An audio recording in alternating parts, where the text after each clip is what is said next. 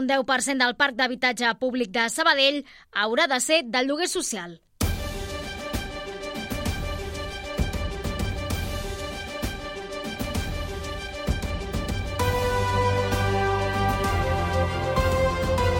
Notícies migdia.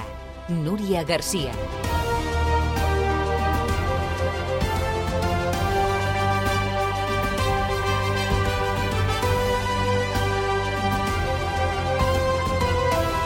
És el que ha decidit el Departament de Territori per als municipis on hi ha més demanda, un total de 163, entre els quals hi ha la ciutat. El tinent d'alcaldessa i regidor d'Habitatge, Eloi Cortés, comparteix el fons, però no la forma. Jo diria que l'horitzó eh, pot ser compartit, no? aquesta voluntat de que incrementar el percentatge de l'habitatge públic de lloguer eh, sobre el parc total eh, és totalment compartida, Uh, el que no compartim és uh, com es concreten aquests objectius el pla anunciat per la consellera Esther Capella entrarà en vigor l'1 de juliol de 2024 amb l'objectiu que els municipis arribin al topall del 10% l'any 2044. Segons els càlculs de la Conselleria, la mesura permetrà ampliar en 273.000 habitatges el parc de lloguer social a Catalunya. A banda de l'habitatge, altres temes que tocarem al Notícies Migdia són l'economia, amb l'últim increment del salari mínim, o la cultura amb la visita institucional, tot just ara, de la consellera Natàlia Garriga a l'Ajuntament de Sabadell. I com no, també parlarem del Carnaval perquè la ciutat ja ho té tot a punt per gaudir d'un cap de setmana 100% esbojarrat. Notícies migdia. La informació en 15 minuts. Els serveis.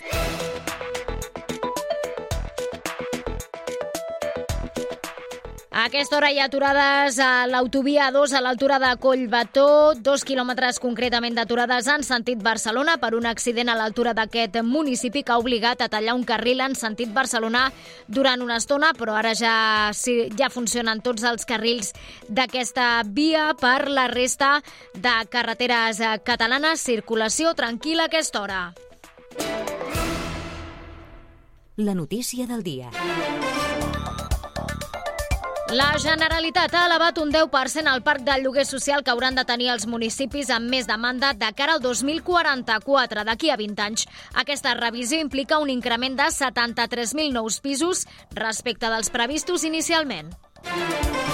Pau Duran, bona tarda. Bona tarda, Núria. Sabadell és un d'aquests municipis i des del consistori ja han afirmat que presentaran al·legacions. L'anomenat Pla Territorial Sectorial d'Habitatge entrarà en vigor aquest juliol i la seva funció és orientar a mig i llarg termini les polítiques d'habitatge a Catalunya.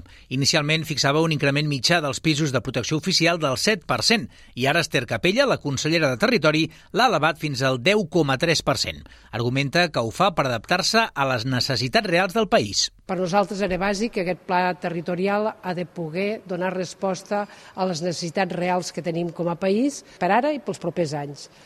Per tant, nosaltres hem incorporat doncs, eh, que el parc d'habitatge de lloguer social eh, s'incrementi en un 10,3% en aquelles, en aquelles àrees eh, doncs de forta demanda. Des del consistori, el tinent d'alcaldessa de Serveis a les Persones, Eloi Cortés, defensa que comparteixen l'objectiu amb la Generalitat de crear més part de lloguer social, però que sense finançament català no ho podran tirar endavant. Estem parlant d'un volum enorme d'habitatges eh, que és inviable tirar endavant sense el finançament adequat i aquesta és la part que ens grinyola, que ens fa por que es quedi en, en paper mullat um, no? i que se'ns obligui o se'ns decreti que els ajuntaments hem d'incrementar al parc d'habitatges sense els recursos que han d'anar acompanyats per part de l'administració competent, que és la Generalitat de Catalunya. Sobre el topall del preu del lloguer, Cortés explica que encara no han rebut la notificació sobre quan es començarà a aplicar. Notícies migdia. De dilluns a divendres, a partir de les dues. La millor eina per reduir les desigualtats socials és la inversió industrial. Ho ha dit Jordi Casas, nou president de la Fundació per la Indústria, en una entrevista avui al Cafè de la Ràdio. Ens ho explica en aquesta crònica la Berta Torres, estudiant en pràctiques. Segons Casas, el sector industrial sabadellenc perd pes en favor del sector serveis, fet que dificulta la creació d'una ocupació de qualitat, la rebuda d'inversió i el desenvolupament tecnològic. El problema més greu que té Espanya en aquest moment en el seu conjunt són les desigualtats socials i salaris baixos. I això se li ha donat la volta, i se li ha donat la volta i nosaltres creiem que el camí és la inversió industrial. Casas ha destacat també els efectes de la sequera en l'activitat industrial. Ha apuntat que les restriccions d'aigua implicaran la reducció de l'activitat, així com la pèrdua d'ocupació. 7.000 sabadellencs i 40.000 ballesans es beneficiaran de l'augment del salari, del salari mínim interprofessional pactat entre el govern espanyol i els sindicats, comissions obreres i UGT. Karen Madrid, bona tarda. Bona tarda. Aquest és el càlcul que ha fet el diputat socialista al Congrés, Paco Aranda. El sabadellenc valora positivament l'increment. Hola, Júlia, soy yo, Rocío. Ai, un 50 sí, em sento superbé, vale. Ara li dic que ja estàs, vale, per aquí. del 2018. Vale? Crec que és una notícia molt important. Estem fent també moltes mesures també eh, econòmiques, també en pensions, també en d'altres eh, a la temporalitat, per exemple, i crec que és una notícia molt important per a la ciutadania doncs, veure que seguim apostant doncs, per aquest, aquest escut social, aquesta protecció en aquests moments també on, on més es necessita. Amb l'increment aprovat, el salari mínim interprofessional queda als 1.134 euros mensuals distribuïts en 14 pagues. Les dues i sis minuts als autobusos de l'Atur s'han actualitzat. Ja es pot pagar amb targeta, els panells informatius i l'aplicació mòbil estan actualitzats a temps real i cada vehicle Pau ha incorporat quatre càmeres de, video, de videovigilància. Exacte, són mesures que s'han aplicat per millorar el servei i fer-lo més eficient de cara als usuaris habituals, però la del pagament amb targeta va especialment dirigida a posar facilitats als que només l'agafen puntualment, tal com ha destacat l'alcaldessa Marta Ferrés molt especialment aquesta mesura destinada a aquelles persones que fan un ús esporàdic del transport urbà, que també en tenim, és a dir, no tothom va amb bitllets i no tothom compra la T10 o no tothom compra doncs, la T mensual o la T jove, sinó que, que evidentment hi ha gent que, que hi puja uh, en un metre. Vale, acaba això, Júlia, i et donen pas, vale? Auto, no? que, que, que també ens passava molt, per tant havia poder pagar um, amb la targeta. Tot plegat després que la TUS hagi batut el rècord de passatgers aquest 2023, superant els 14 milions. Tota la informació a Ràdio Sabadell. I marxem ara fins a l'Ajuntament de Sabadell. Allà hi tenim la Júlia Ramon, que ha seguit la visita institucional de la consellera de Cultura, Natàlia Garriga. Bon dia, Júlia, què ha dit? Hola, bon dia, Núria. Doncs mira, ara mateix estan acabant aquesta primera visita. És la primera vegada que la consellera de Cultura, Natàlia Garriga, venia al, al Saló de Plens i justament doncs, s'han doncs, reunit amb l'alcaldessa Marta Ferrés per posar en valor doncs, tot aquest potencial cultural que té la ciutat, tal, tal com han reconegut les dues. I d'una banda, doncs, Esther Capella ha volgut um, exposar que Sabadell és una de les ciutats capdavanteres, i tot textualment, a Catalunya per poder complir els objectius de la Generalitat a l'hora de potenciar la cultura catalana i Marta Farrés doncs, també ha aprofitat la vinentesa per assenyalar que enguany la ciutat es troba en aquest programa no, de la capital de la cultura catalana, però també ha volgut destacar doncs, altres actuacions que s'estan impulsant com la compra del Museu de Sabadell, del Museu del Gas per fer el, pro, el pròxim Museu de Sabadell o la resta de festivals que es fan durant l'any aquí a la ciutat. Gràcies, Júlia. Fins ara. Gràcies, Júlia. Fins ara. Fins ara. Més notícies. Sabadell per la independència rebutja el procés engegat per configurar l'anomenada llista cívica. L'entitat, juntament amb l'ANC de Terrassa i Cerdanyola, denuncia que s'ha començat la casa per la taulada i critiquen que la Direcció Nacional no hagi preguntat als socis si volien tirar endavant la llista cívica. Noemi Zafra és la coordinadora de Sabadell per la independència. Primer s'ha de prendre una decisió si es vol la llista cívica.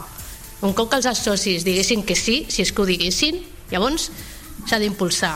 Mentrestant, s'ha de mantenir doncs, el punt de prudència, perquè també hi ha altres coses en el full de ruta, que evidentment són la confrontació, la mobilització sostinguda i la lluita no violenta, que fa mesos, almenys jo i companys que també m'ho han traslladat, trobem a faltar i d'altra banda, el tram de la B40 entre Olesa i Viladecavalls entrarà en servei el pròxim 16 de febrer. El ministre de Transports i Mobilitat Sostenible ho ha anunciat a través de la xarxa social Lix. Òscar Puente ha destacat que el projecte és clau per la mobilitat del Vallès Occidental i el Baix Llobregat, que segons ha dit són els principals motors industrials de Catalunya. Últims detalls per les desfilades de Carnaval del cap de setmana i miren al cel de cua d'ull.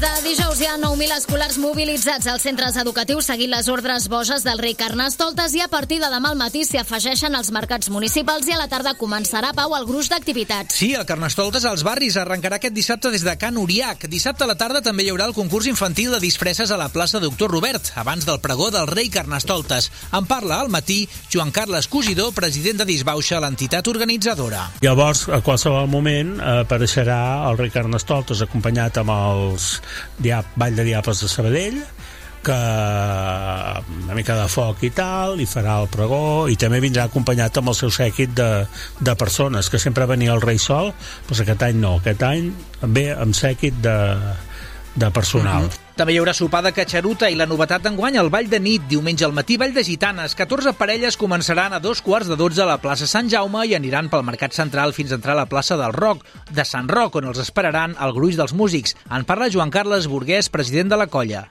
ens acompanya una, no, no una copla, sinó una orquestra de més de 60 músics. L'Escola de Música de la Creu Alta, que des, de, des dels inicis ha participat en aquest projecte i participa posant-hi doncs, la seva orquestra, que és increïble. Després de dinar Gran Rua amb 26 colles i 1.800 participants pel recorregut habitual. A les 7 de la tarda, música a la plaça Doctor Robert, mentre el jurat delibera per donar els premis a les comparses. Samba!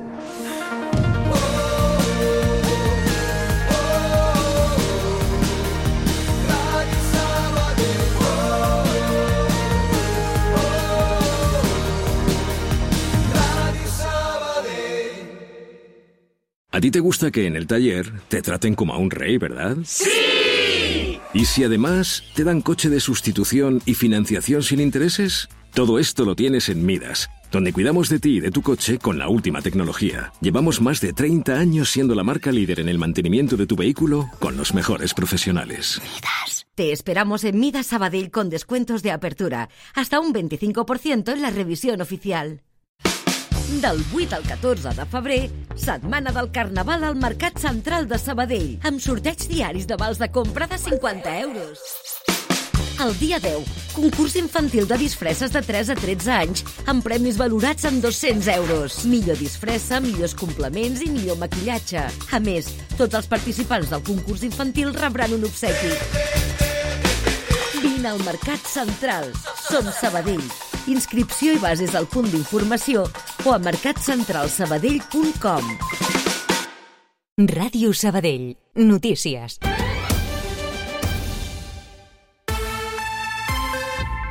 3 minuts per arribar al punt d'un quart de 3. L'Audiència de Barcelona arxiva la causa contra Anna Gabriel per l'1 d'octubre de forma definitiva. Ho fa d'acord amb el criteri de la Fiscalia i de la Defensa. Al gener de 2023, el Tribunal Suprem va enviar l'exdiputada de la CUP a judici per desobediència, però va traslladar la causa a l'Audiència de Barcelona, que considera que els fets no són constitutius de delicte. Fernando Grande Marlaska assegura que l'1 d'octubre els agents de policia van actuar amb la proporcionalitat necessària. El ministre de l'Interior ha declarat que respecta l'enjudiciament de 46 policies per delictes de lesió agressions i contra la integritat moral durant les càrregues de l'1 d'octubre, amb tot puntualitzat que només pot parlar de la gran professionalitat de les forces i els cossos de seguretat de l'Estat. Grande Marlaska també s'ha referit avui a la trama russa per dir que no li consten vincles entre l'independentisme i el Kremlin. Tot plegat l'endemà que el Parlament Europeu hagi aprovat una resolució instant l'Estat a que investigui les presumptes ingerències russes en el procés.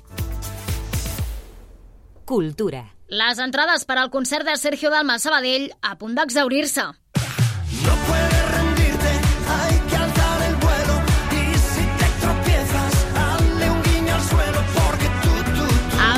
Sabadellenc actuarà el 15 de juny al Festival Observa i ja ha venut un 70% de les entrades disponibles. Sergio Dalma presentarà el seu nou treball Sonríe porque estás en la foto, amb el qual acaba de començar la seva nova gira, que també farà parada a la ciutat.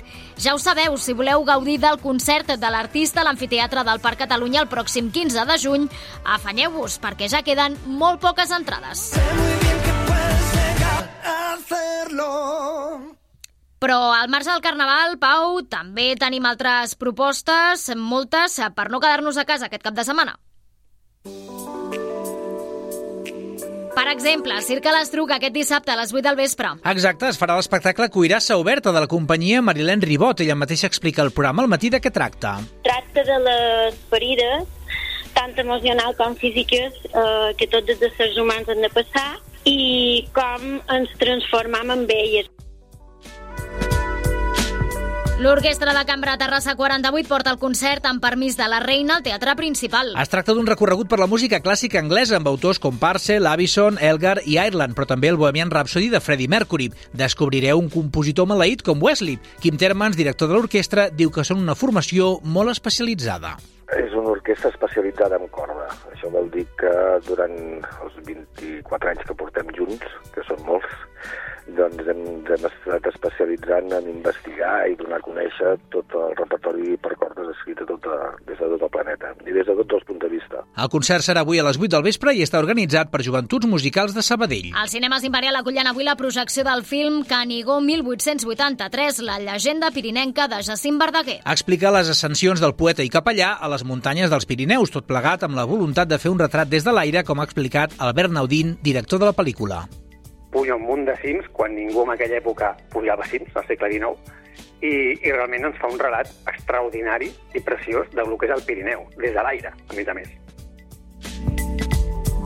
El film es projectarà a les 8 i 20 i a dos quarts d'onze de la nit. I entrades exaurides pel tribut a Queen a la Cava Urpí d'avui divendres. Serà càrrec de la Bolsara Band, en canvi sí que queden tiquets per The Beatles Experience Live, el tribut que faran el dissabte al mateix espai als Beat Boys.